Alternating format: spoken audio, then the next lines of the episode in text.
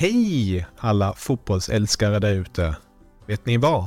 Vi gör det här tillsammans med Telia och de har ett fantastiskt erbjudande till dig som älskar fotboll. Telia har nämligen ett paket som samlar all fotboll. Och då menar jag just all fotboll.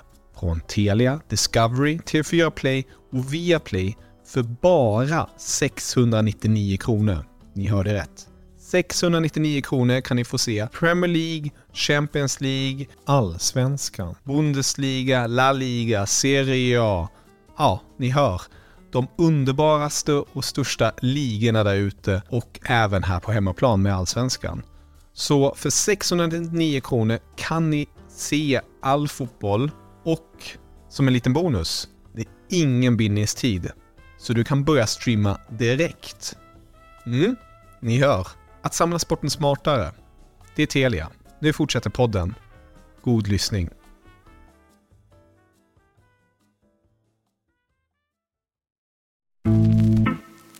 Jesper Karlström och Mohamed Buya Touré har gjort det som nu är slutsignalen. 2-2. Djurgården tar den poängen klubben behöver för att bli svenska mästare i fotboll 2019. Tänk den jävla bryggan vi är i där inne i halvtid med 2-0. Och jag trodde aldrig att vi har kämpat en hel jävla säsong. Jag är så jävla tacksam att jag får uppleva det här. För tio år sedan inledde Bosse Andersson sin andra session i Djurgården och nu har han valt att förmedla sin bild av den senaste tioårsperioden i boken Superbosse från blodröda siffror till blårandiga framgångar. I podden talar han bland annat om hur länge han tänker hålla på som sportchef, men även om beslutet när han lämnade Djurgården en första gång 2008. Vi lyckas inte knäcka Europakoden att komma in i någon eh, gruppspel eller någonting sånt där och sedan så känner man ju själv att man är ju, det tar kraft att jobba i en sån här klubb och, och eh, kan man välja typer av olika inriktningar och jag kände väl själv att jag hade ingen plats i den här organisationen och eh, då är det bättre för mig att några andra får ta över stafettpinnen. Och så kom vi in på spelet bakom några av Djurgårdens främsta spelarvärvningar. Om hur branschen förändrats, hur det blivit tuffare tag med agenter och ett regelverk som haltar efter och även hur fotbollsindustrin skiftat. Klart att det har utvecklats. Det är bara att titta på hur eh, fotbollen har utvecklats ekonomiskt eh, som en jätteindustri och eh, idag är det eh, rika som äger klubbar runt om i Europa. De äger flera klubbar och det här har ju blivit en business som, som, som är enorm och det, då är det klart att det, när det är mycket ekonomi och aktörer spelare som, som kommer från olika delar av världen så blir det ju liksom en dragningskraft i det. Vi pratar naturligtvis om vad som gick snett under säsongen 2023, där Djurgården trots stora värvningar slutade fyra i Allsvenskan, misslyckades i Europakvalet. Men vi pratar även om priset som Bosse Andersson betalar för allt arbete som ligger bakom att Djurgården under en tioårsperiod trots allt etablerat sig som en av Sveriges största klubbar. Det som tar stryk är kanske familjen och vänner, att man inte kan vara med på allting och att man kanske missar någon födelsedagsfest eller man missar någon middag. Och ibland blir det möten som, som drar ut på tiden och eh, saker som händer. Man måste nästan alltid vara uppkopplad för det kan, oavsett, så kan det hända saker som inte bara är kopplat till fotbollsmatchen som var i söndags. Utan det kan hända så mycket saker i, i en föreningslivs vardag. Podden är naturligtvis mer än det här. Vi pratar bland annat om när Pelle Olsson skulle sparkas från Djurgården och Bosse Andersson försov sig. Och om historien när Kim Bergstrand och Thomas Lagerlöf blev klara för Djurgården och om tränarduons framtid i klubben. Givetvis kommer vi in på visionerna som finns inom Djurgården och var man vill vara om fem år. Men som vanligt börjar vi podden med en faktaruta.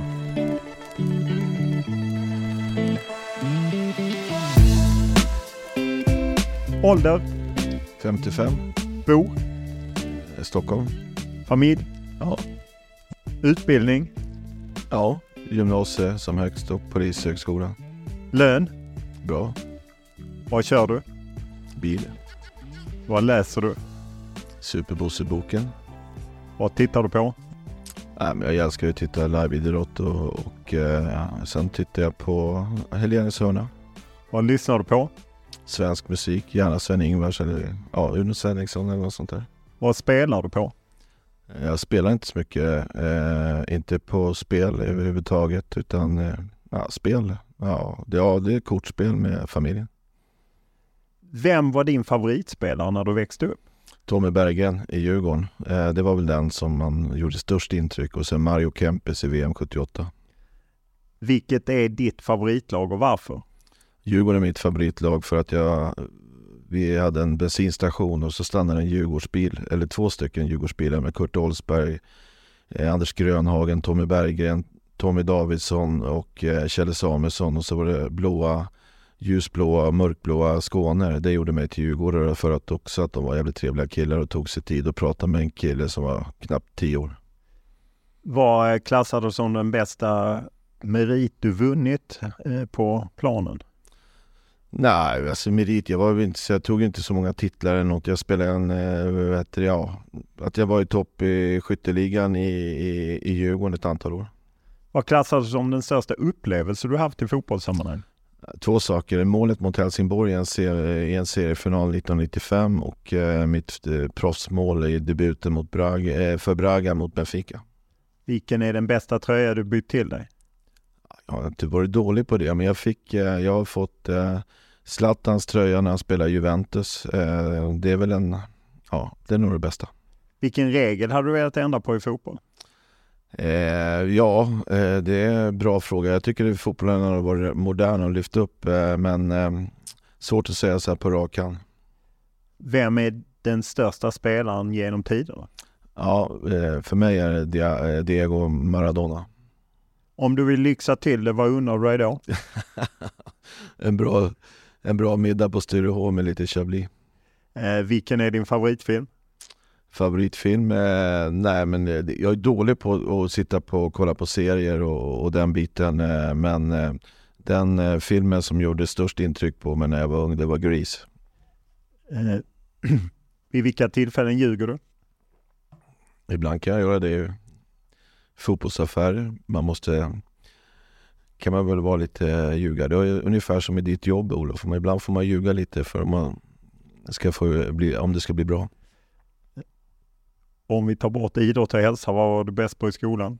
Äh, men det var matematik och eh, vad heter det, ekonomiska ämnena, i synnerhet i gymnasiet. Eh, redovisning och eh, ekonomiämnena. När var du riktigt lycklig senast? Ja, liksom, ja det ska vi säga. Det väl, eh, ja, då går vi tillbaka till den 23 augusti 2022 när vi var på Cypern och Djurgården gick in i ett gruppspel eh, för första gången i, i, i historien. Det tror jag var, det var nog senaste äh, lyckan var som störst.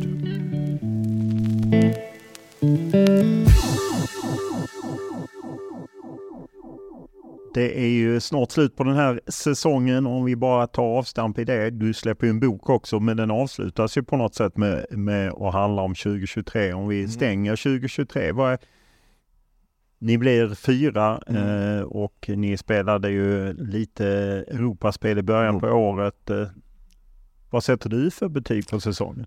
Nej men alltså vi gick in den här säsongen efterifrån att vi gjorde 2022 en fantastisk säsong. Vi både i allsvenskan när vi kom tvåa och sedan så gick vi vidare i ett gruppspel som var ganska tufft på förhand. Vi blev gruppvinnare och så hade vi en åttondelsfinal i, eh, i mars mot eh, Lech Poznan. Förväntningarna var ju att eh, skyhöga på oss. Att dels var vi favoriter i allsvenskan och dels så visste vi att vi skulle spela i Europa eh, till sommaren eh, och eh, hade den här godisbiten i mars mot Lech Poznan. Så att eh, förväntningarna var höga och vi har inte levt upp till det. Dels att vi kommer fyra i Allsvenskan. I sig inte en så dålig placering men vi var aldrig med där och, och luktade om guldet. Vi åkte ut mot Lech Poznan eh, och sedan så eh, i Europa så åkte vi ut i andra omgången mot Luzern. Så att totalt sett så, så är det klart att vi har inte levt upp till förväntningarna och eh, en besvikelse tror jag för, för många. Men ändå så slutar vi fyra i Allsvenskan och vi får hoppas att något av de här tre lagen eh, som är framför oss eller att vi vinner Svenska Cupen för vi vill gärna vara med i Europa igen och, och ta lite revansch. Hur mycket påverkar just att man behöver eh, ta höjd för att Europa gruppspelet fortsatte in i ett slutspel som följde med in i mars. Ja, det var ju. Det var en ny erfarenhet för oss och det, vi, vi spelade ju den 11 augusti mot eh, Sepsi från Rumänien och då det var ju tredje kvalomrundan i, i Conference League-spelet och eh, då lämnade vi in våran eh, lista på de här spelarna som vi skulle kunna använda i turneringen och eh, nästa gång man kunde fylla på det var ju i, i februari då inför den här åttondelsfinalen mot Lech Poznan och då kunde man fylla på med tre namn. Vilket gjorde att vi hade ju ett antal spelare som hade utgående kontrakt som inte spelade hos oss längre. Eh, och vi sålde någon spelare så den där listan minskade. Det gjorde att vi tog ett under vintern, att vi, trots att vi hade anbud på ett antal spelare så, så var vi inte tillmötesgående att eh, släppa de spelarna. Så att eh, den erfarenheten har man ju med sig och nu blir det ju också bättre med att eh, fönstret är ju i Sverige uppdelat att du har åtta veckor på, på vintern och åtta veckor på sommaren, vilket vi inte hade 2022. Det var ju första gången 2023 som det skedde. Men när man pratar med typ Molde eller Bodeglimt eller lag som har varit där, då är det en utmaning för de lagen som ligger liksom, eh, som spelar vår-höst istället för höst-vår. Eh, om man eh, då inte tycker att 2023 är ett eh, kanonår, var lägger man ans eller hos vem lägger man ansvaret? Är det spelarna? Är det tränarna? Är det den sportsliga ledningen? Nej men ytterst är det ju ett misslyckande från min sida att vi inte har fått ihop och fått, eh, fått det här. Sedan så har vi liksom var och en lite eh, olika ansvar. Vi, tränarna är ju till för att man ska vinna fotbollsmatcher. Vi har inte vunnit tillräckligt med matcher och vi har ett bra lag som inte har sett till att, eh, Eh, att vi har vunnit eh, de matcherna. Vi, vi har bara vunnit eh, än så länge. Vi kan ju vinna mot Kalmar. Vi har vunnit 15 av, av 29 matcher och det är klart att då är man inte mer den yttersta spetsen. Så att, jag tror vi var och en får ha ett ansvar för att vara självkritiska och rannsaka oss själva för att, att höja nivån till 2024. Hur utvärderar man det? Nej, men det är klart att det, det sätter man sig ju ner och, och, pratar och sen har vi en dialog under tiden. Vi har ju stått för en del utmaningar i, i, som, som i, vi visste att det här sommarfönstret skulle bli lite bökigt. Vi, vi, vi sålde ju eh, sju spelare och vi tog in fem spelare.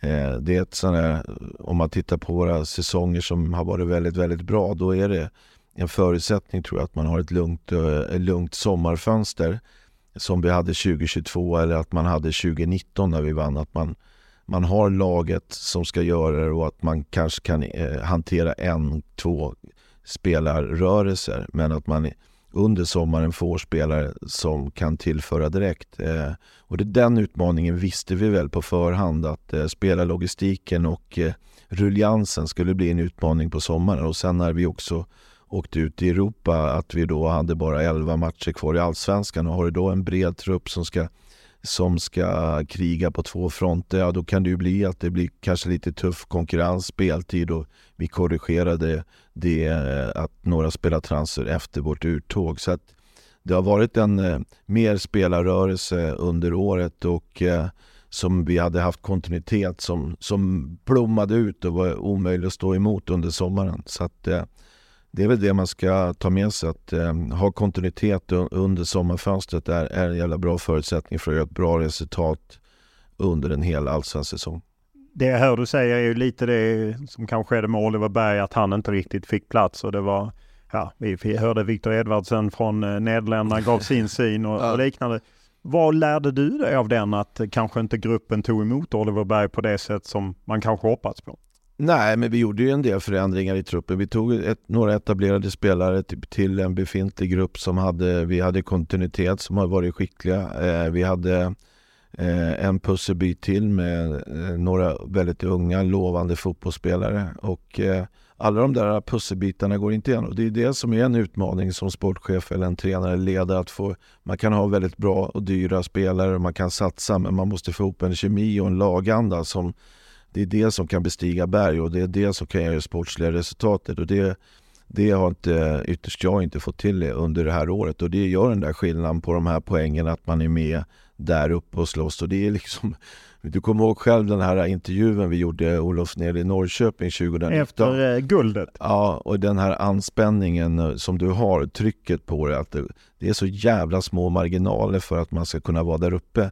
Och man är liksom och att man då fick uppleva det, för man vet hur svårt det är att stå där som vinnare. Eh, och jag kan ju tänka mig att eh, den här den här matchen som, de här matcherna vi såg i helgen. Fotboll är ju fantastisk och underhållande och, och vilken live-produkt. Och ibland är man glad att man är opartisk och inte inblandad från Elfsborg-Malmö-håll som ju kommer en otrolig match eh, kommande helg dem emellan. Men om vi återvänder, jag menar, finns ju en del djurgårdar här på jobbet. De undrar liksom, vem tog beslutet att värva Oliver Berg och sen släppa honom? Nej, men det var ju två olika anledningar. Så, eh, vi, Oliver Berg var en av allsvenskans bästa eh, fotbollsspelare eh, poängmässigt och, och i, i Kalmar. Eh, det var en spelare som vi var alla eniga om att vi skulle kunna komma in och ta Djurgården till nya höjder och vara med här långsiktigt. Eh, sedan så var det olika anledningar. Dels så finns det en kapitalstark förening som, ehm, som, som var väldigt intresserad. Även när vi tog Oliver Berg så, så var Malmö med i banan. Och eh, jag tror Oliver Berg kände själv att ja, jag, jag, passar inte riktigt in här och så har du då en tränare som en, Henrik då som de har en väldigt bra relation och det är klart att Henrik de, de hade ju en kontakt under det här och det är klart att och det var ju första gången transferfönstret var öppet så, så här länge också. Och då vi var ur tåg i, i, i allsvensk i Europa och hade eh, en tuff konkurrens i vårt lag. Och så ställdes frågan skarpt och, och så pratade man med Oliver och han var eh, ganska tydlig med vad och eh, en seriös klubb som Malmö, då får man ju säga så här, ibland köper man och så har du ett bud här och sen, ja, då får man ta ställning till det. Och där och då så, så, så var det bästa för, det var det bästa för Malmö, det var det bästa för Djurgården och i synnerhet för Oliver Berg. Förutom Oliver Berg, jag menar ni sa det Hjalmar Ekdal tidigare och, och så, det trillar in pengar, ni kommer gå med plus även detta år. Då tänker man hur bygger ni om till 2024? Ja, men det är klart att man får ju lära sig av det. Det är klart att, eh, som jag sagt tidigare, man vill ju avsluta med en framtidstro och gå, gå in i, i där. Och det är klart att på de här sista elva matcherna så, så har vi inte... Vi, har, vi hade väl en målsättning att göra lite likt Elfsborg gjorde förra året. De förlorade mot oss den 20 augusti och sen hade åkt ur i kuppen några dagar efter. Sen så avslutar man med 11 raka. Då är det klart att du går in med en framtidstro när du går in i nästa säsong och de är nu etta i CM i stort sett samma lag. Och det är klart att vi kommer säkert eh, behöva göra en del förändringar i både ja, i spelartruppen eh, i synnerhet att se till att vi har ett lag som som eh, vinner mer fotbollsmatcher än vad man gjorde 2023 och eh, skulle vi också då vara i Europa så Eh, om man vet det på vårkanten så är det klart att vi måste satsa redan när Svenska Kuppen eh, drar igång här i februari-mars. Eh, för det är en väg för oss i Europa som vi kan hantera, som vi har i våra egna händer. Och det måste vara ett stort fokus på det. Vad talar för att eh, Thomas Lagerlöf och Kim Bergstrand tränar Djurgården 2024? Ja, det är mycket. Eh, de har ett kontrakt med oss och eh, de eh, trivs bra i klubben. Och sedan så vet du själv, det spekuleras som förbundskapten. Jag skulle inte bli förvånad om, man, om man, de nämns i de sammanhangen. Andreas Engelmark, BP, mm. vad talar för att han är på Kaknäs när ni drar igång? Det tror jag inte talar så mycket. Däremot så är han på Mel Mellqvist Café ute i Vasastan och då kan han ju träffa Marcus Danielsson eller Peter Kisvalod. Så att det är det, större läsk. Det är därifrån de uppgifterna kommer. Men, men ser du någon anledning att skifta på tränarposten för att höja er nog? Nej, men vi får ju vara självkritiska allihopa runt och det är med ledare, tränare och, och spelare och det är klart att eh, vi, får, vi, vi, får väl utvärdera. Vi, vi hade stänga den här säsongen och avsluta på ett bra sätt och sen så är det klart att vi, vi får diskutera hur vi ska vara som slagkraftigast eh, för 2024. Eh, du släpper i veckan Superbosse från blodröda siffror till blåröndiga framgångar. En bok som Marcus Birro skrivit i, i, ihop med dig. Varför? Ja, varför? Det är en eh, bra fråga för jag är ingen författare eller jag kan skriva böcker så. Däremot så var det så att Marcus Birro fyllde 50 år och han har varit på mig väldigt hårt om att skriva mina memoarer eller att man, och min ståndpunkt var ganska tydlig att jag ska göra det efter att avsluta mitt, eh, mitt arbete. Och eh, så då gjorde vi det, han fick det. Och sen så var det förlaget tillsammans eh, som ställde frågan till oss, men ni har gjort en fantastisk resa, kan vi inte göra en bok eh, eh från när du började 13 november 2013 till eh, den resan ni har gjort till 13 november 2023? Och det var då det aktualiserades efter nyår förra året att vi skulle göra en bok. Och eh, så inleddes arbetet och sen i slutändan så blev det en, eh, en bok som gick i tryck och nu ska den släppas. Vad är din känsla att du vill få ut av boken? Alltså vad, vad är det budskap du vill få ut?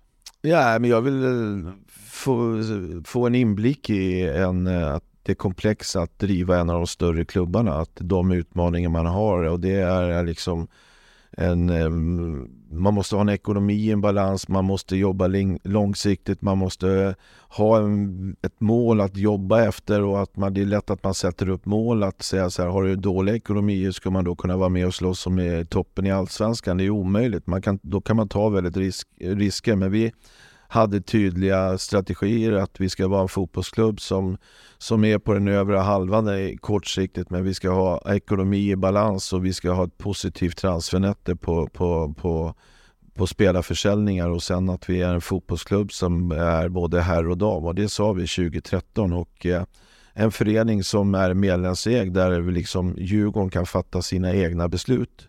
Eh, vi är till skillnad från AIK och Hammarby en medlemsägd förening och då kan man titta på några parametrar. Det skulle de hävda att de är. Vi har en 51 regel som gör att de också är medlemsägda. Ja, det är inte till alla. De har ju andra aktörer. De har, ja. Det är de. de. Någon har ju, några är på börsen och, och någon har ett amerikanskt bolag och en enskild gammal fotbollsspelare som, har, som ägare. Vi är ju 26 000 medlemmar och vi har ökat det nästan 15 000 på de här tio åren. Och det, det, det är fantastiska siffror och det här är ju en resa som vi har gjort i, tillsammans med, med alla djurgårdare. Boken tar ju på något sätt avstamp i lite i din första tid mm. eh, i Djurgården där du ju hoppar av 2008 eh, eh, och på något sätt glider du ger ju några liksom, synpunkter kring både mm. styrelsen efter Juventus-matchen, att vi är mm. på den nivån vi ska ta kliv. Du är ju rätt kritisk till oss eh, i, i media, både kring ditt avhopp och, och så. Mm. Vad är det som du känner där att du vill få fram? Nej, men däremot så tror jag att man, man, man har man jobbat länge i den här branschen så är en del föreningar som jobbar på olika sätt.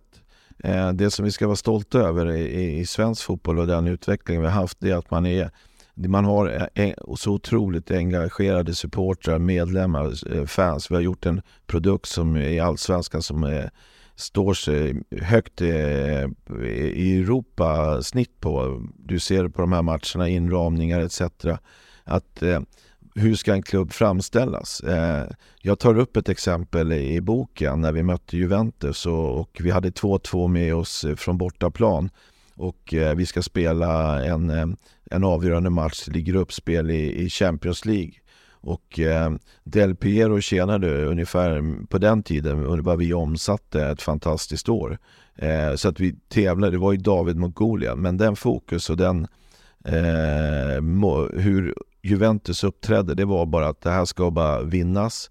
Och eh, har man då en sån här lunch med klubbar så så när man träffade de här Roberto Bettiga och den biten så var det hur trevlig lunch som helst och man skulle ha bra relationer och bra samarbete. Och sen så hade vi, eftersom Champions League skulle lottas dagen efter matchen så, så bodde jag och Henrik på det hotellet som alla Champions League-klubbar eh, bodde. Och där var ju så att det, jag kom in på, det var ett fantastiskt eh, Hermitage i Monaco, jag hade aldrig bott på något bättre hotell. Alltså, och då var det ju foajén, stod ju alla klubbar och så kom Henke och jag från, från Djurgården och så skulle vi snacka med våra gamla kollegor från, som vi hade träffat dagen innan och de knappt morsade på oss. Betka och kompani. Ja. Hur kändes det? Nej, men jag sa ju att vände mig vad fan igår snackade vi om bra relationer och en härlig, alltså vi skulle ha bra och sen morsade inte idag. Så jag gick in och tog han och klappade på axeln. Varför hoppade du av den svängen eh, när du var ju en första, ni hade ju en väldig framgång i mm. början på 2000-talet och vinner flera SM-guld och, och, och, så, men sen är det som att, jag menar Bosse Lundqvist tvingas ju bort eh, som Nej, men Det var ju en turbulens som var där och det menar vi hade framgångar, man, man, man tappar ibland fotfäste. Vi hade fantastiska, vi hade sex titlar på ett antal år eh, och vi hade som mål att komma eh, ut ännu längre i Europa Eh, och eh, vi var på övre halvan eh, eh i allsvenskan eh, under de här eh, 8-9 åren där vi deltog nästan kontinuerligt i Europa. Vi lyckades inte knäcka Europakoden att komma in i någon eh, gruppspel eller någonting sånt där och sedan så känner man ju själv att man är ju, det tar kraft att jobba i en sån här klubb och, och eh, kan man välja typer av olika inriktningar och jag kände väl själv att jag hade ingen plats i den här organisationen och eh, då är det bättre för mig att några andra får ta över stafettpinnen och är det då turbulens runt om i klubben på olika sätt så, så kände jag också att det var viktigt att, liksom, att, eh, att eh, man har någon ståndpunkt. Jag tror inte på det här riktigt och då är det bättre att göra något annat och så fick jag en bra deal att göra någonting utanför fotbollen som jag tyckte var där och då viktigt att få ett break och ett avstånd. Eh, även där är det ju, vad heter det, Scandinavian Club Consulting, eh, är det korrekt? Eh, som du gjorde med Bosse Lundqvist och Henrik Berggren, som vi på Fotbollskanalen skrev om och ja, framgår... Det är, därför, det, är därför framgår du, det är därför jag tycker du bör kunna komma ihåg vad namnet hette. Ja, ja, ja, ja men, men, ja, men det är tio år sedan. Ja, tio. tio år sedan. Ja, då var jag fan inte glad på dig när Nej, du var... på oss. Varför var du inte glad då? Nej, jag tyckte det var lite ute. Vi var till för att hjälpa klubbar som, som inte hade de här förutsättningarna med vår erfarenhet och vi hade Henrik som är extremt skicklig på med gott omdöme med ekonomi etc.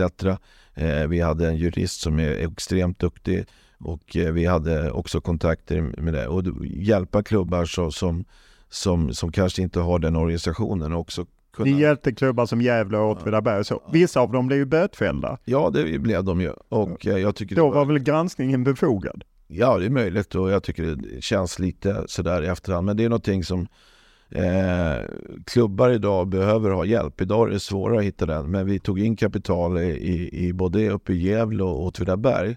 Men det är viktigt att man tar in kapital att man satsar och får sportslig utveckling. Gör man det så kan man också sälja spelare. Det lyckades Åtvidaberg göra och då tre år i, i rad så kom man åtta i Allsvenskan vilket är ett fantastiskt snitt för, för Åtvidaberg. Eh, så att, eh, men det stämmer, vi blev granskade hårt och jag var så förbannad på dig. Varenda jävla morgon kom det upp på Nyhetsmorgon eh, när, där. Men jag kände, vi kände oss uthängda och eh, vi blev bötfällda. Eh, kan tycka... Och kan man ju också flika in att du faktiskt skriver i boken att när Djurgården ska anställa Pelle Olsson så säger du att jag kan inte vara inblandad i det ja. med tanke på kopplingen vi, Scandinavian Club Consulting. Nej, var, Henrik och jag var ju anställda som konsulter de första ja. åren. Jo, men det var ju ändå, då var det ju inte helt glasklart, eller? Nej, men jag var inte med och fattade det beslutet. De fattade vilken, vilken konsult de ville ha. Det var Bosse Andersson och Henrik Berggren. Sen var det också en, en lucka på, på tränarna och den fattade styrelsen. Eh, självklart så träffade de andra, men styrelsen fattade beslut på att det var Pelle Olsson.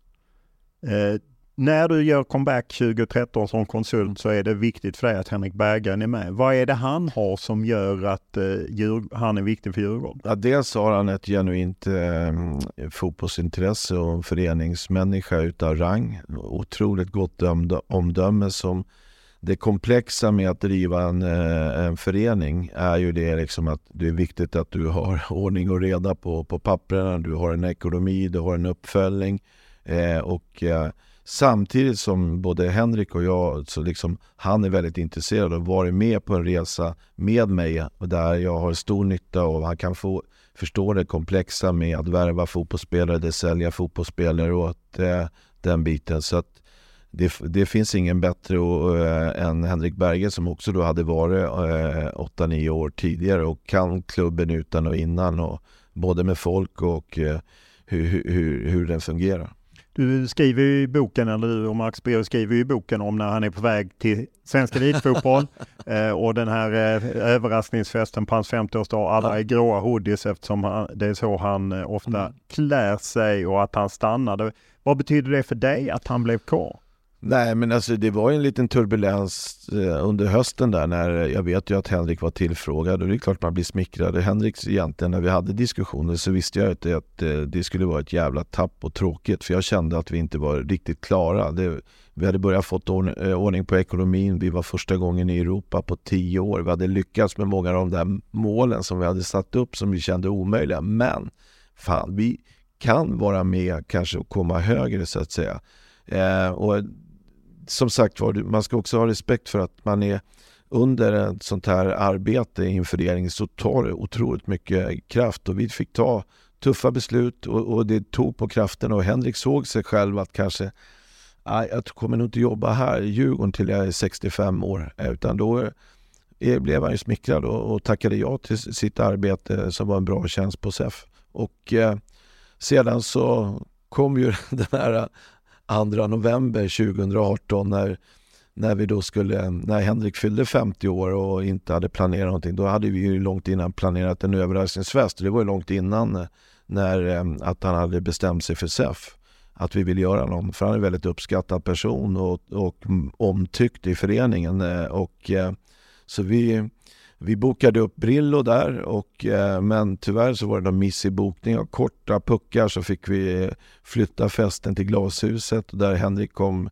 med sin dotter på middagen och så är det 170 pers med gråhood och han tappar hakan och det är klart att eh, vi hade väl lite som baktanke, vi ska i vilket fall göra ett otroligt härligt avslut eh, för honom och visa vår uppskattning. Eh, det var ju styrelsen och det var, det var alla och det, det kändes extremt tråkigt om man skulle gå sluta där och då.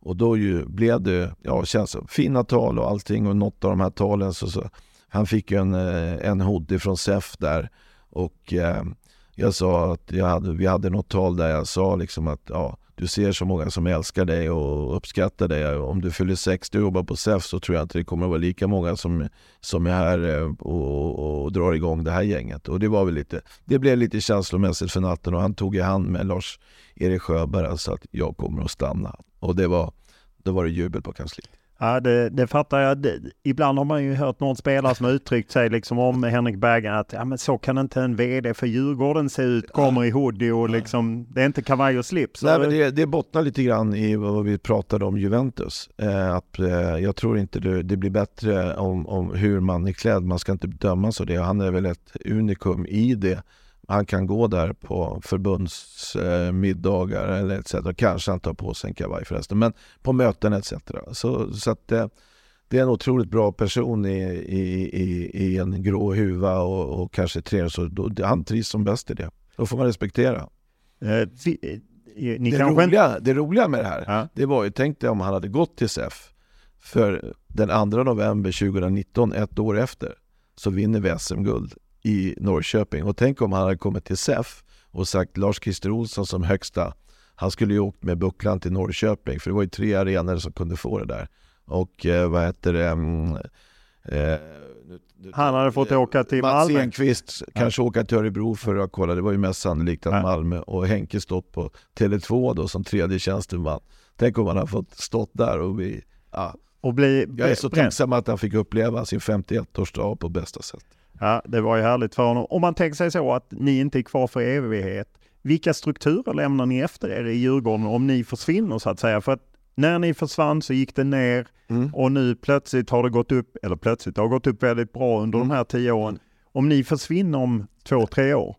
Ja, jag tror Henke har en ambition att jobba längre. Eh, sen är man ju som sportchef, det är man mer liksom utsatt och det, det handlar ju om förtroende. Har inte vi bra sportsliga resultat så är sportchefen mer mer åtsatt. Liksom.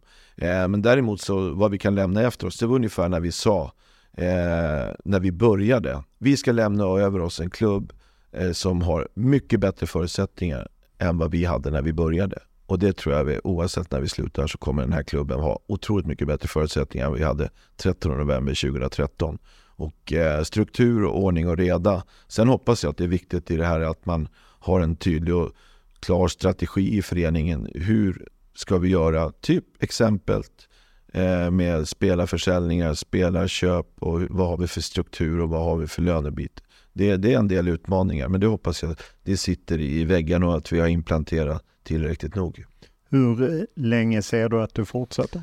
Nej men alltså vi har ju fört, man får ju alltid eh, vid styrelsen förra året vid den här tiden hade jag ett starkt förtroende och man ville titta på att man hade det här gänget så här.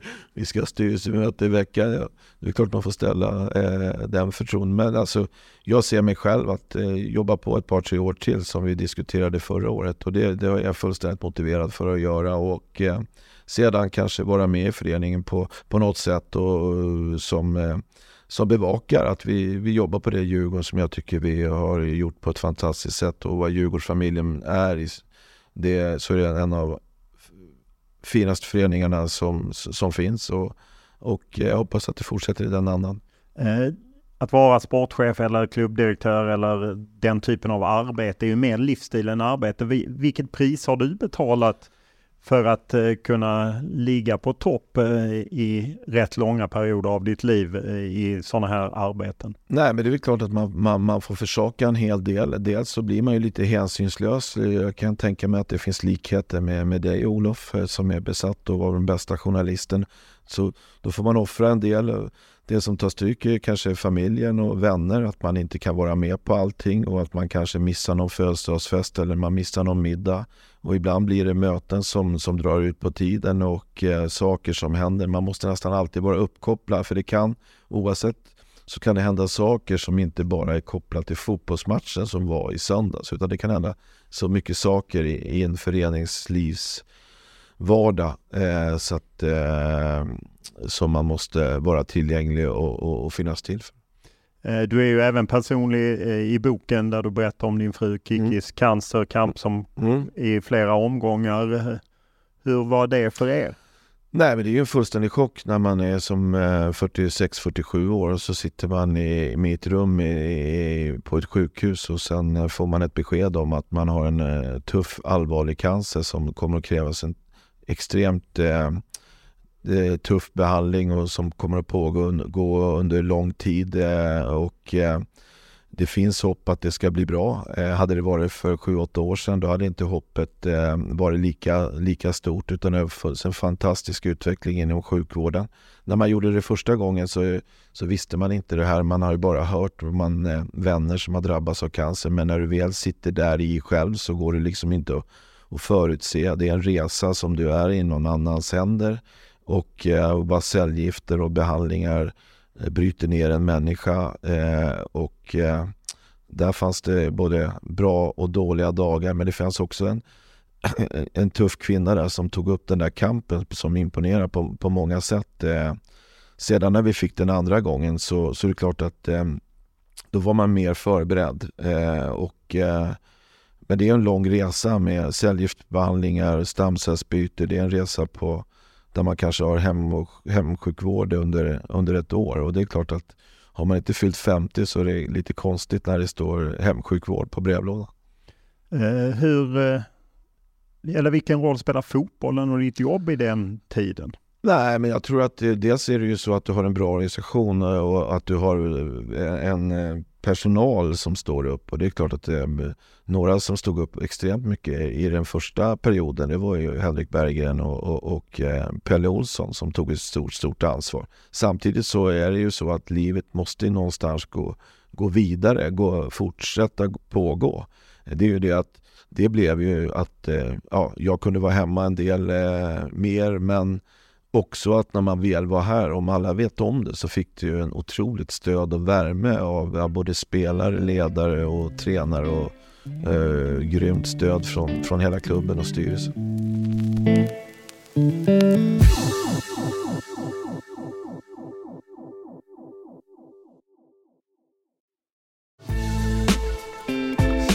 Vi ta oss an Djurgården som verkligen har stått i händelsernas centrum idag. Klubben meddelade tidigare idag att man sparkar tränaren Pelle Olsson efter fem raka förluster med laget.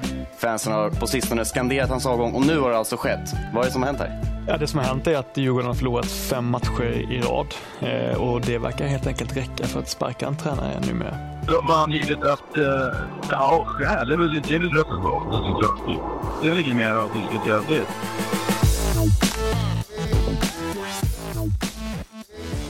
Boken är ju en, en rad exempel på tuffa beslut som man behöver ta som, som ledare och, och en, ja, Pelle Olsson som du kände, som ni hade tagit och han ska få sparken och du försover dig. Hur, hur, hur var det? Nej, det var hemskt. Alltså det, det var hemskt. Alltså vi hade intensiva, vi visste att vi hade kommit kanske till vägs ände och vi förlorade borta i Kalmar när vi åkte hem i bilen. Det var styrelsemöte etc. Vi, i ett jobb som sportchef så måste man ju vara förberedd och vad kan komma och skall. Vi, vi kunde väl se, vi hoppades att vi inte skulle behöva sparka Pelle för han gjorde ett otroligt starkt eh, jobb under, under de här 31 månaderna som han var här. Det var tuffaste tiden, han tog ansvar, etablerade Djurgården i, i övre halvan i allsvenskan eh, som, som var målet och vi gjorde en otrolig turnaround när det gällde, gällde ekonomin. Eh, vi fick sänka våra kostnader, sänker man sina kostnader då får man sämre lag, då får man ta större risk. Eh, så att eh, det är klart att när vi då skulle börja skörda första gången 2016 och vi fick, kunde värva spelare från en annan hylla. Magnus Eriksson kom in, Kebba Susai kom in, Niklas Gunnarsson kom in, Ottman El Kabir och Andreas Isaksson. Och precis den vevan ska du sparka den som eh, sådär. Och det var väl en natt på söndagen upp som var... Eh, du återvänder från Kalmar, det är ja, därför det tar ja, lång tid. Ja, precis. Och sen har vi styrelsemöte och så hade vi en tränare som, som, som kom hit. Där vi, ja, vi hade väl olika alternativ och styrelsen skulle vara inne. Så fattar man det beslutet på söndagskvällen och det är självklart att det läcker ut. Eh, och har du då inte sovit på ett par dygn och, och eh, jag vet att jag ska vara åtta på, på Kaknäs och ta Pelle innan träningen så vaknar jag, vaknar jag kvart över tio så är det klart eh, träningen börjar 10.30 och så ser man på eh, flashar att det är livesändning från Kaknäs och Pelle var utlämnad till vargarna liksom. Det är ett fullständigt misslyckande eh, från min sida. Och jag bara såg i telefon och sms eh, både från Henrik och Pelle som nyckelpersoner. Så att det blev ett ja, helt fel alltså. Och, och, vi satt och väntade, kunde inte åka ut på Kaknäs utan vi tog Pelle precis eh, när han åkte. Vi hade rapporten när han lämnade, så tog vi honom. Hur är en relation idag? Ja, relationen är fantastisk måste jag säga. Eh, den var inte, den var väldigt frostig för det här var i början på augusti. Eh, och jag fyller år den 26 augusti. Och fick ett grattis sms. Jag tänkte ja, det var jävla härligt. Och så frågade jag, ska vi ta en lunch? Ja, så gjorde vi. Och jag, är lite erkänna att vi någon vecka efter tog en lunch och eh, eh, då kände jag mig spänd när jag kom till den där lunchen hur jag skulle sluta. Och eh, det är klart att han inte var helt glad och inte nöjd. Men däremot så har vi en unik relation och en av de, de fotbollsledare eh, och tränare som man har stött på som man eh, eh, blir imponerad av och eh, sitt idoga arbete, sitt fotbollskunnande men framförallt som vän. En annan ledare som beskrivs är ju Özcan Melker som ni ju tog eh, och mm. hade, vann en kupp samtidigt. Framgår att det är lite rörigt med honom som ledare och missnöjda spelare och, och liknande. Men du går emot både spelare och ledare och erbjuder honom ett kontrakt för att du spelar högt. Du vet att han kommer tacka nej eller? ja, det vet jag. jag. Jag hade den känslan. Vi hade ju en dialog så att säga. Jag, jag visste att det var ett visst missnöje. Eh, och, och, det är klart att eh, han hade ett utgående kontrakt och att i det läget förlänga ett avtal. Eh, Öskan fanns Öskan är Öskan och det finns otroligt mycket som, som han är skicklig och vad han stod för. Organisation och planering kanske var den, den bristen och det är klart att Eh, att det fanns brister och det fanns ett visst missnöje. Men för mig var det viktigt att liksom man gör det här tillsammans. Eh, det är inte spelarna alltid som ska bestämma och det är inte, inte tränarna som ska bestämma vilka spelare och sådär. Så det är det som är den svåra rollen som sportchef. Och jag tyckte det var viktigt. Har man vunnit en titel vi har ändå sålt spelare för den tidpunkten är långt över 100 miljoner. Han har också tagit risker. Eh, så var det viktigt för mig att eh, om du har den känslan, varför ska vi säga att vi inte förlänger? Då är det bättre att ställa frågan till han. Vi är intresserade av att förlänga. Och när Öskan då säger nej, jag har ett annat anbud, jag kommer tack mig. Jag är otroligt stolt. Att, jag tycker det är ett mycket bättre avsked än att, eh, än att vi, vi inte hade erbjudit det. Men du skriver att du tror han blev blåst av sina agenter.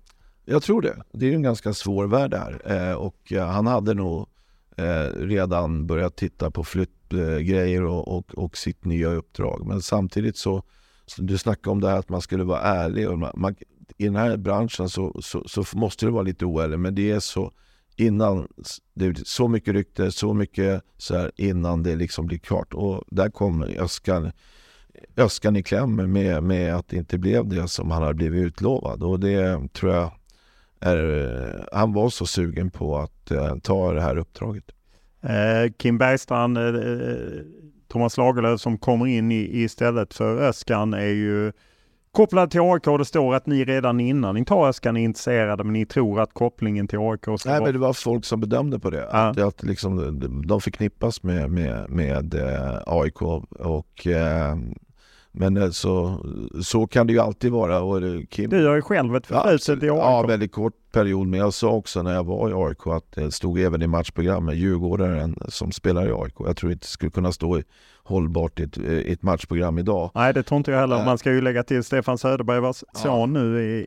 Nej men jag tror det där är liksom, det, det är klart att man åsikter och det, det är klart de var med i diskussionerna när vi värv- värvade, Ös- äh, värvade Öskan eh, och jag hade en dialog med Kim. Eh, Kim ser sig ju inte själv som AIK, han var väldigt länge sedan han lämnade och förknippas med AIK och han har spelat i Hammarby efter där. Utan var det någon klubb som de ville eh, komma till så, så var det Djurgården. Och, Och apropå ärlighet där, du blåljuger mot Ola Andersson, Sirius eh, i sista matchen. Eh, Sirius möter Djurgården. Det är klart med Thomas Lagerlöf och Kim Bergstrand och han kommer över och frågar dig, vem ska ni ha som tränare?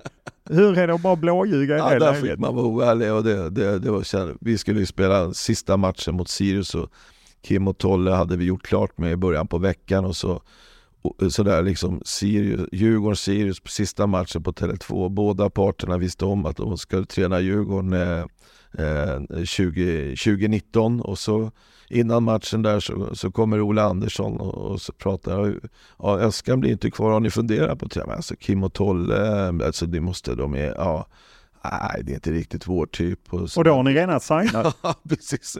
Men, ja, det, det, var, det är en svår roll det här, men man får spela teater ibland vet du.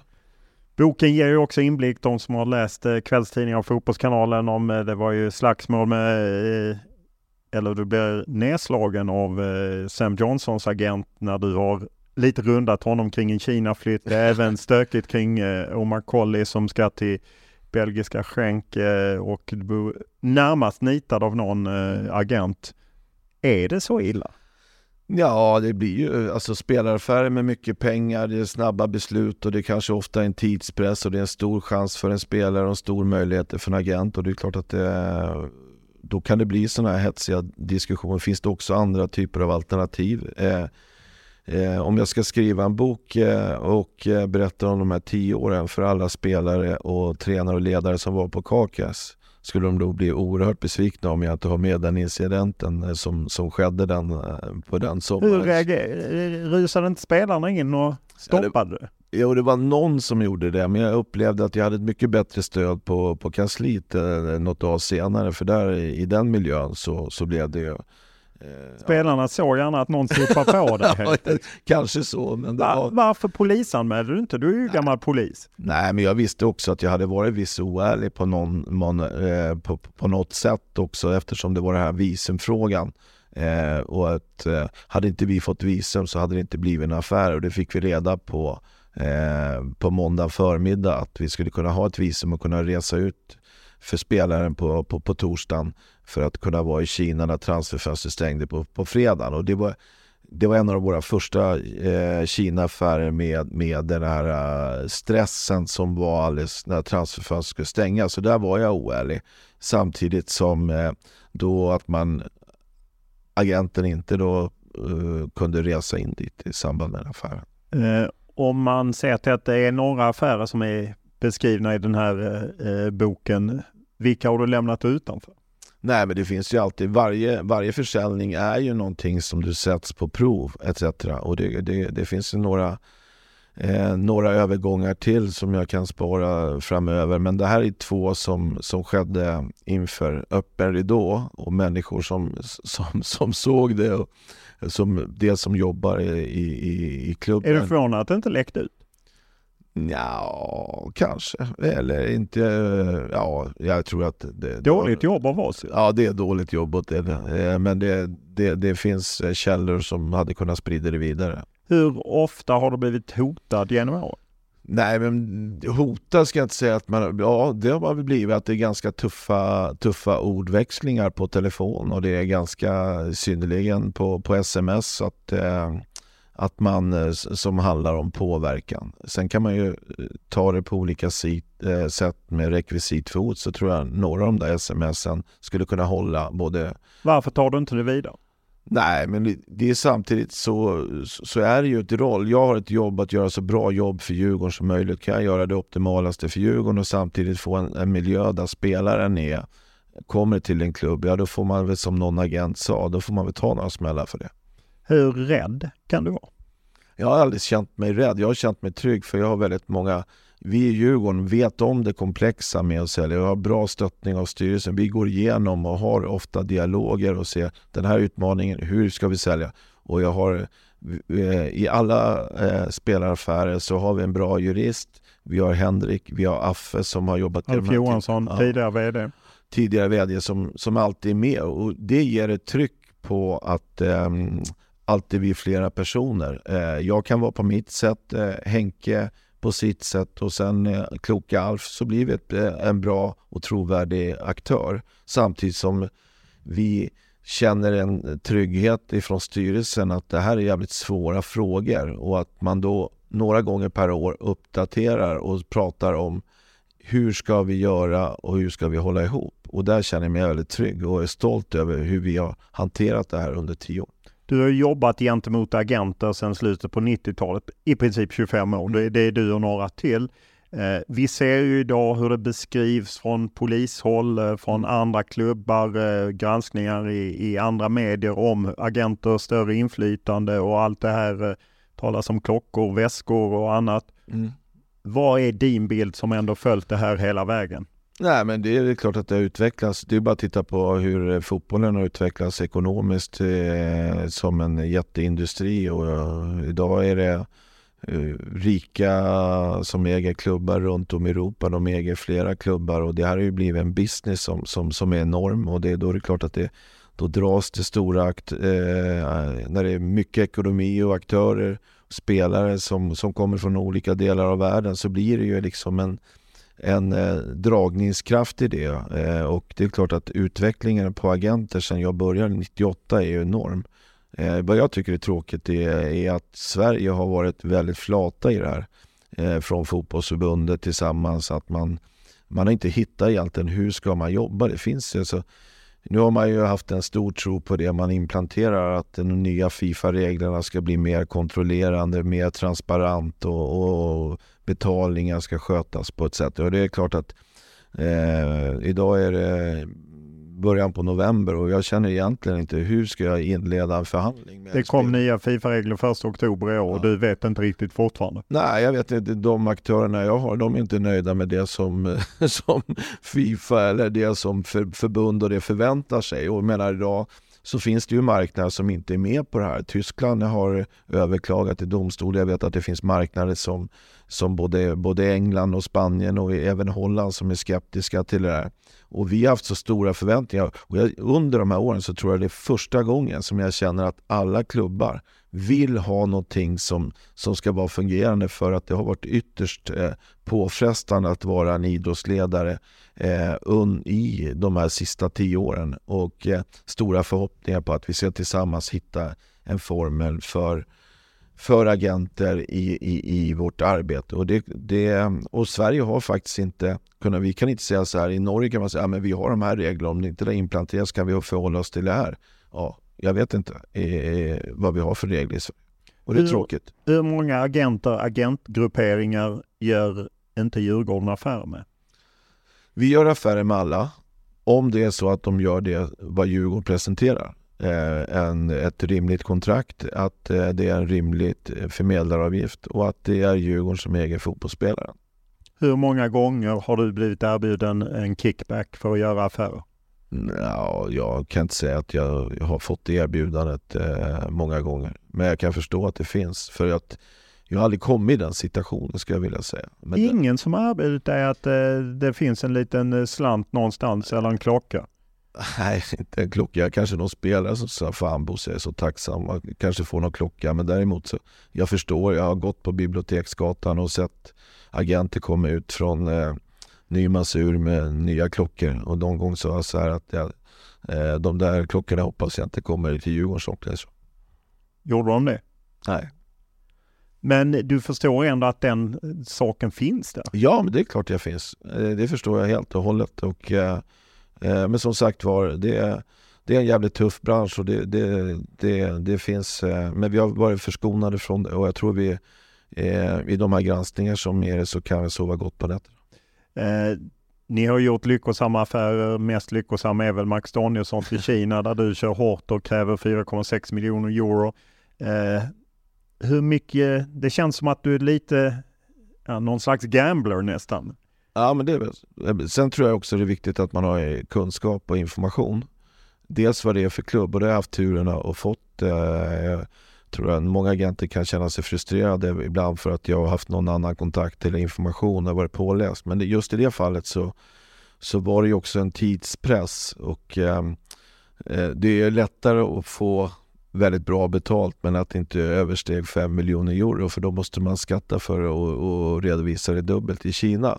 Eh, och eh, det är klart att vi visste det och eh, nu var det ju så att vi hade ju lite tur, inte bara lite tur, att vi, vi var ju ett av alternativen som och då var ju förhandlingen redan klar, men det var inte hos oss han skulle gå. Vi var ju mer en backup.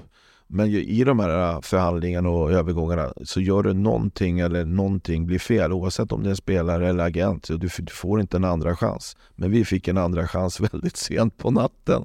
Och eh, då gick det ganska snabbt att mejla villkoren och de accepterade ja, på några minuter och sen var det transferavtal på fem timmar och sen var Mackan på väg sju, åtta timmar senare.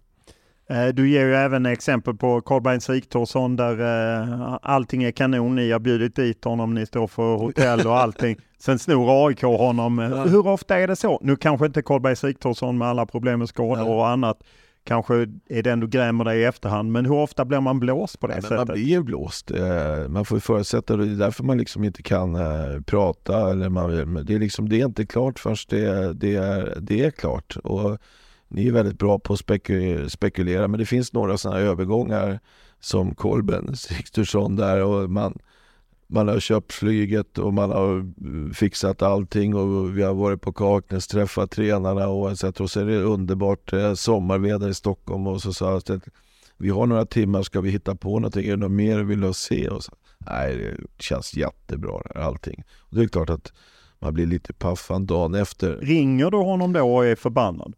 Nej, det gör jag inte. Det, alltså, där ska man bara vara positiv. Eh, däremot så ringde, smsade han mig på guldnatten eh, som det är ett av de bästa sms och roligaste jag haft. Och, och, man, kommer, man möts alltid två gånger. Jag hade en sån också med, med Marcus Antonsson som, som var i England och vi pröjsade flyg och skulle flyga till Stockholm. Men så säger han, men, eh, jag flyger till, eh, jag kommer inte ihåg om han flög till eh, till Göteborg och så skulle han träffa föräldrarna och så hade vi gjort allt eh, för att han skulle komma upp. För jag tar tåget upp sa han.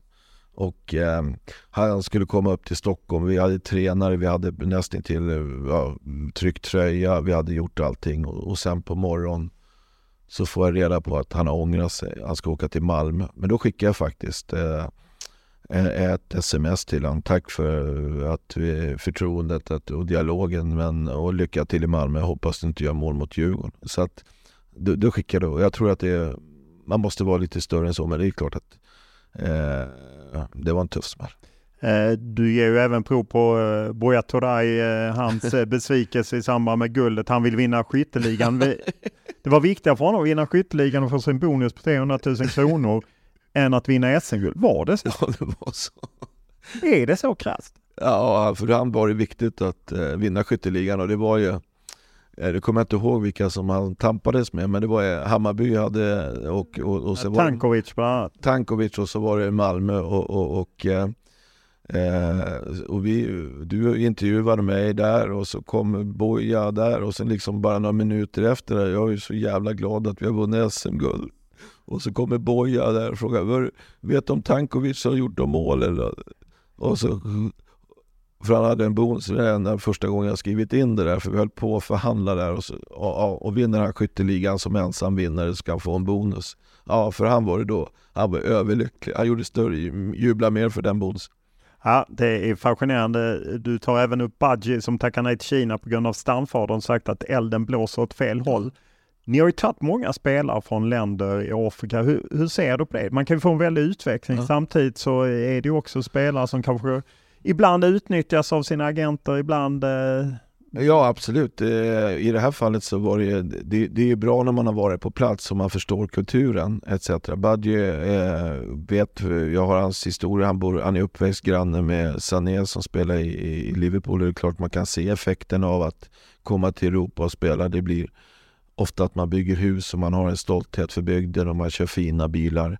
Eh, och det är en resa. Men samtidigt är det här också att eh, den här respekten och den här lojaliteten mot byn man har, det, det är där man frågar att eh, vad är det att om jag ska Europa är den marknad man spelar fotboll. Man spelar inte i Kina i, eh, i toppfotboll, i synnerhet inte i den här åldern. Fast det var en otrolig övergång för oss och, och otroliga pengar för han. Men Hur mycket gick ni miste om?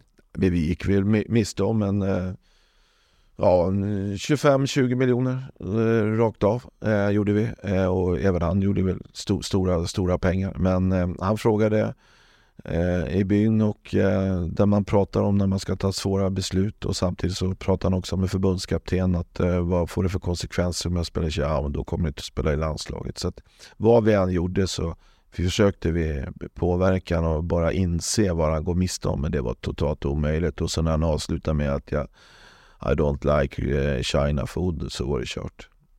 Eh, om man tar Tino Kadewere, en annan spelare som ni hade, du tror på. Eh, mm. Det finns tveksamheter i, i klubben, åtminstone beskrivs det så mm. i boken och sen han går till Havre och, och, har ju haft otrolig mm. utväxling.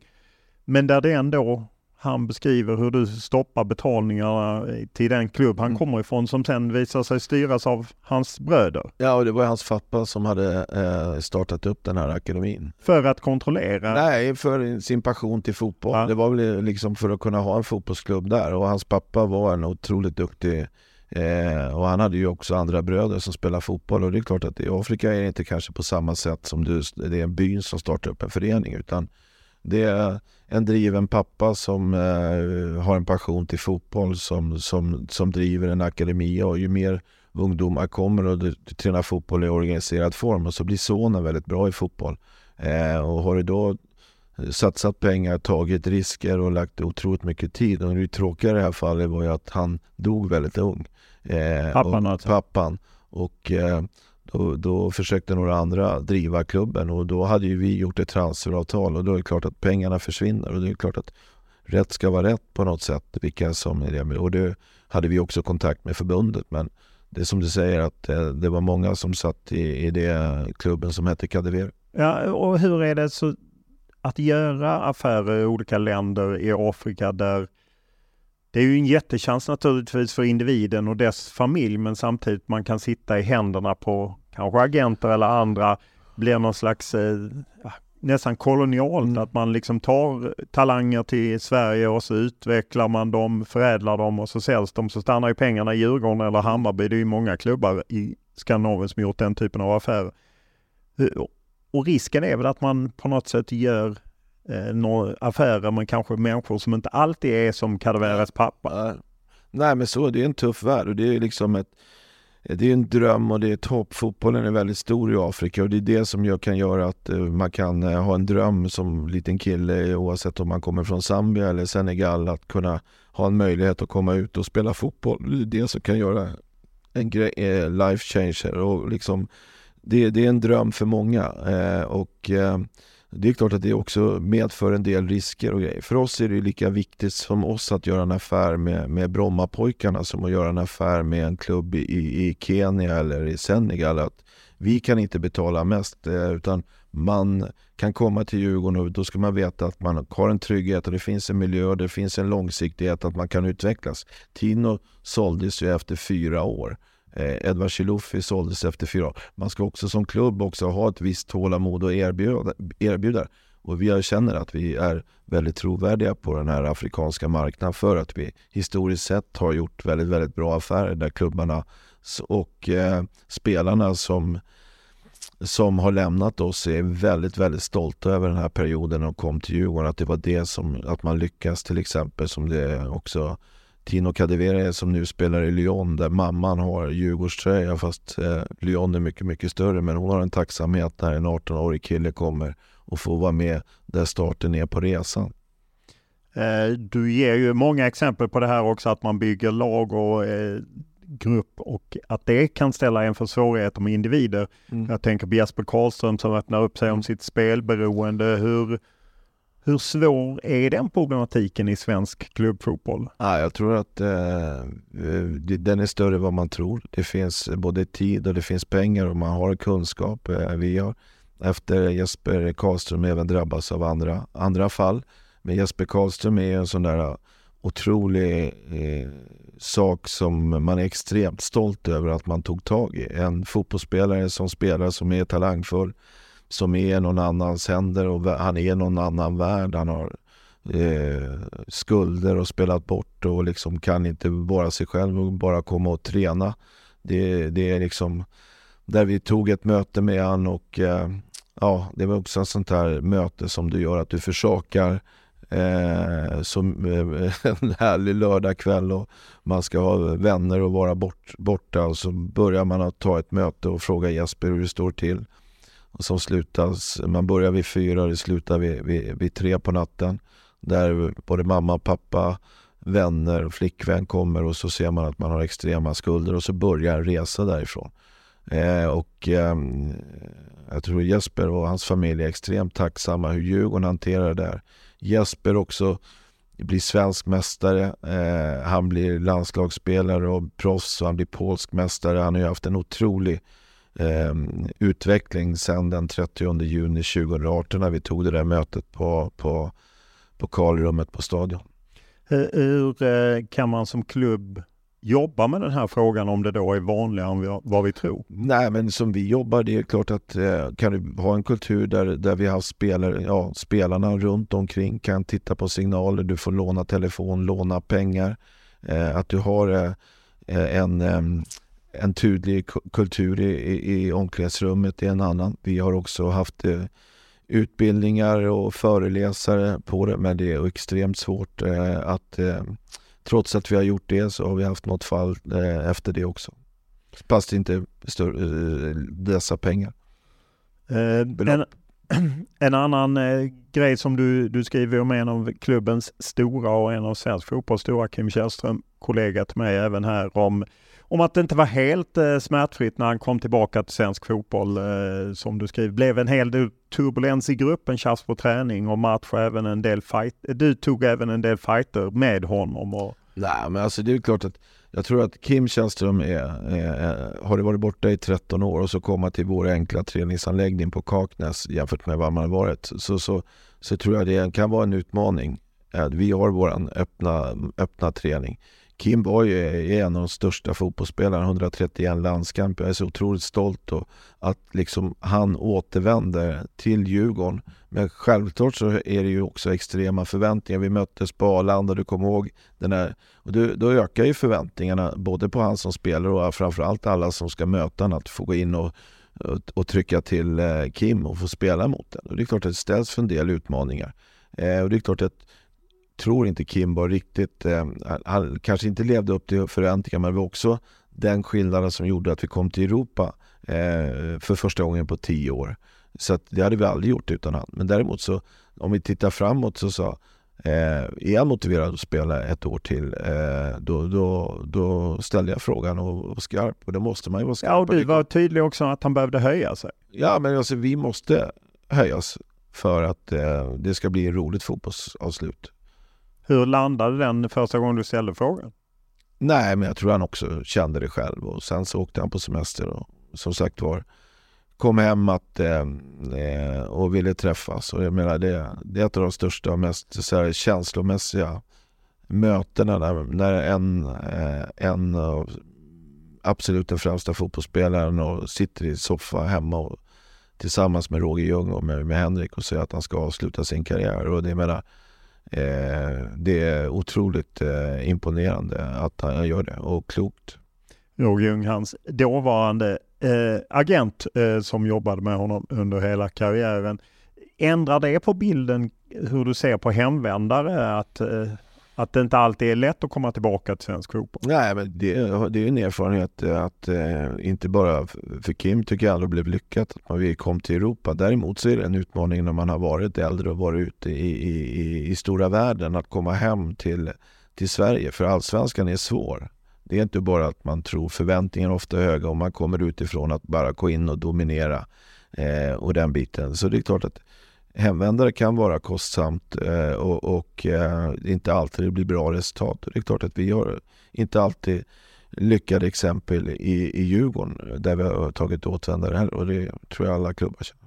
Eh, när jag läser boken så det står ju mycket om eh, den fantastiska inramningen, supportrar, medlemmar, engagerade och så, men ingenting av den baksidan. Om, sen kan man ju diskutera hur stor den baksidan mm. är.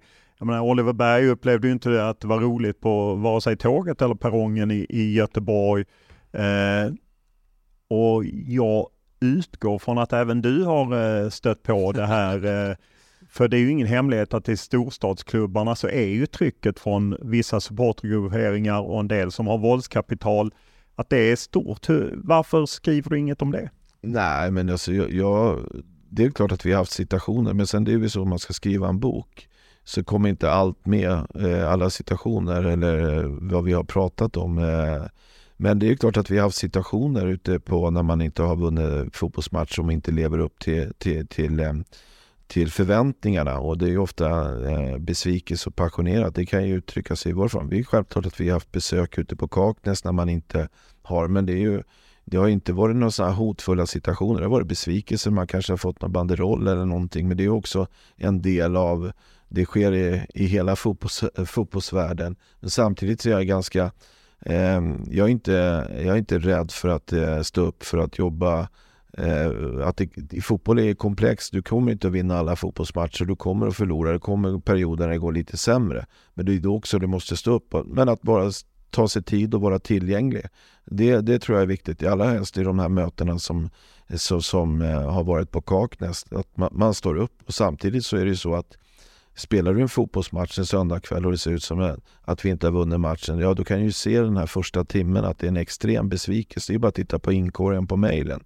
Det är, det, det är inga trevliga rader som man får, men du måste svara. Ja, och jag tror att det är en nyckel. Jag är inte, jag är inte rädd för det, utan jag, jag är ansvarig. Då får man också ta en del kritik.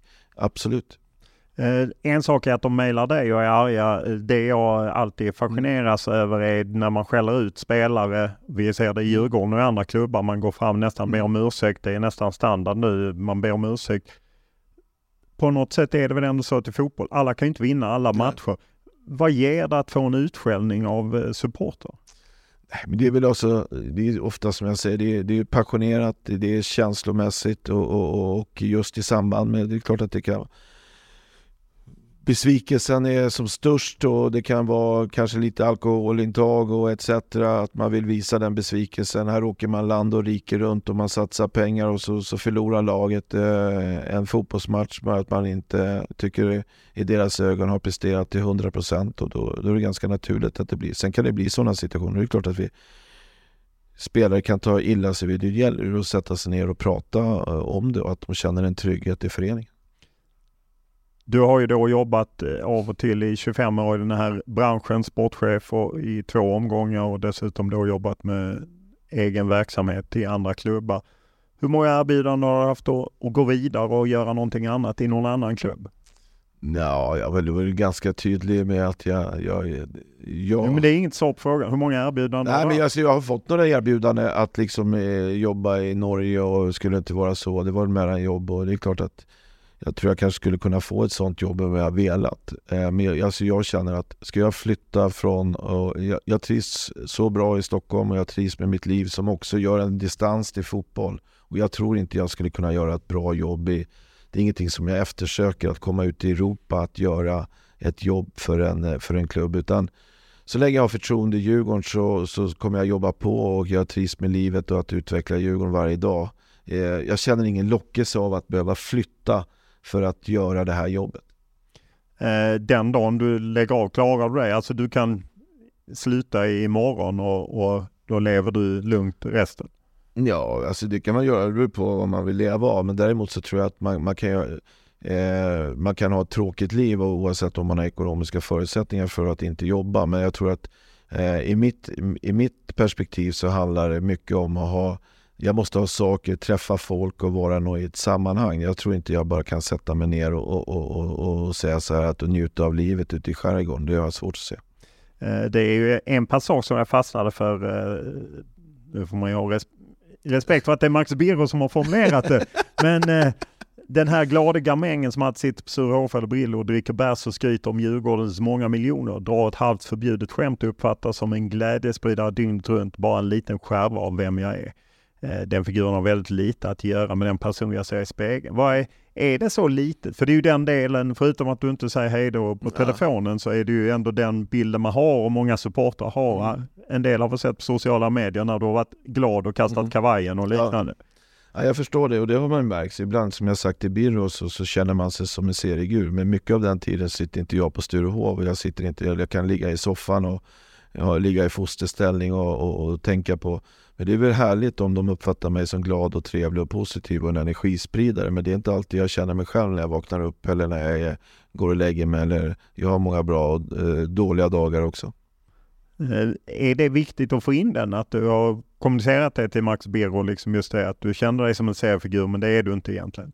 Nej, men jag känner att jag är i vilket fall äkta och den biten. Men det finns alltid två, två sidor av det. Det är klart att eh, eh, jag är en annan person i, i många andra sammanhang som inte uppfattar mig eh, som, som eh, en glidare på Sturehof som sitter och snackar. Eh, eh frågar du grannar så kanske jag ser mer mig med, med röjsåg, i och kör en trimmer. Så det är flera som har olika bilder av mig. Ibland kan ju eh, att skriva en bok och sitta och berätta för en person som ska skriva, att det nästan kan vara terapeutiskt. Hur, hur var det för dig att sitta med Marcus Birro och gå igenom alla de här?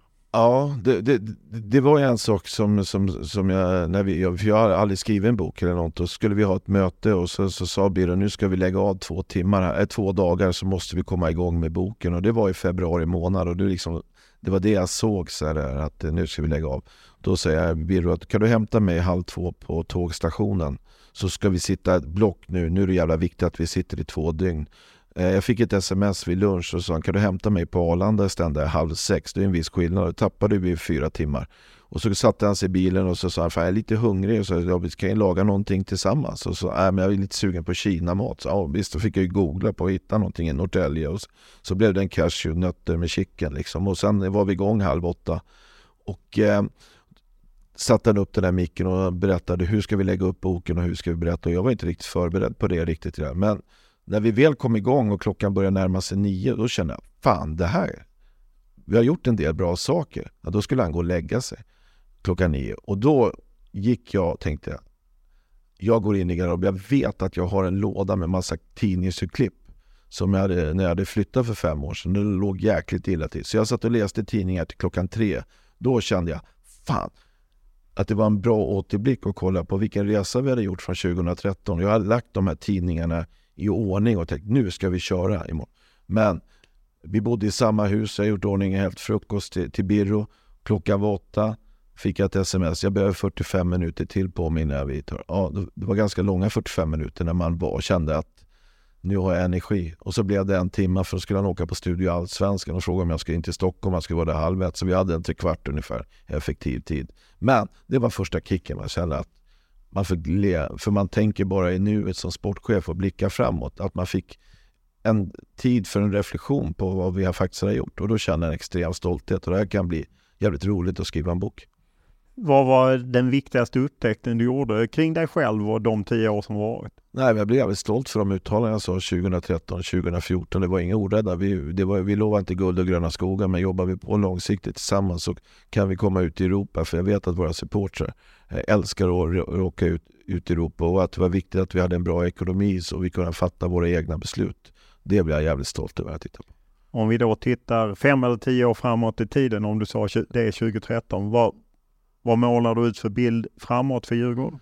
Nej, men alltså att vi är en av de här två, tre klubbarna som har förutsättningar att slåss om guldet. Att vi fortsätter i den utvecklingen. Vi hade ett publiksnitt eh, på 19 700 2023. Vi hade biljetter ute som gjorde ett publiksnitt på 23 500.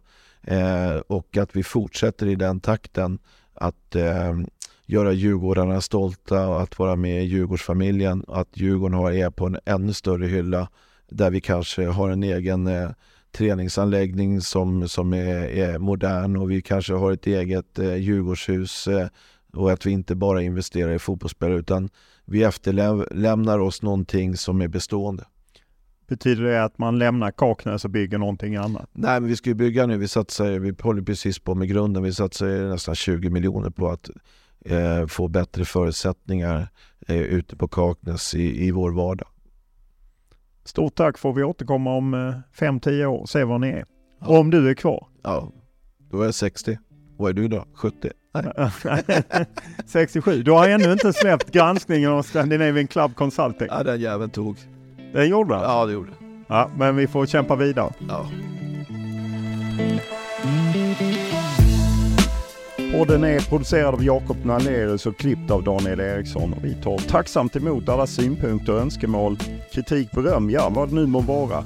Bäst är alltid att mejla mig olof.lund.tv4.se eller skriva till mig på Instagram eller Twitter. Då är det Olof Lund som gäller i ett år. Stort tack för den här veckan.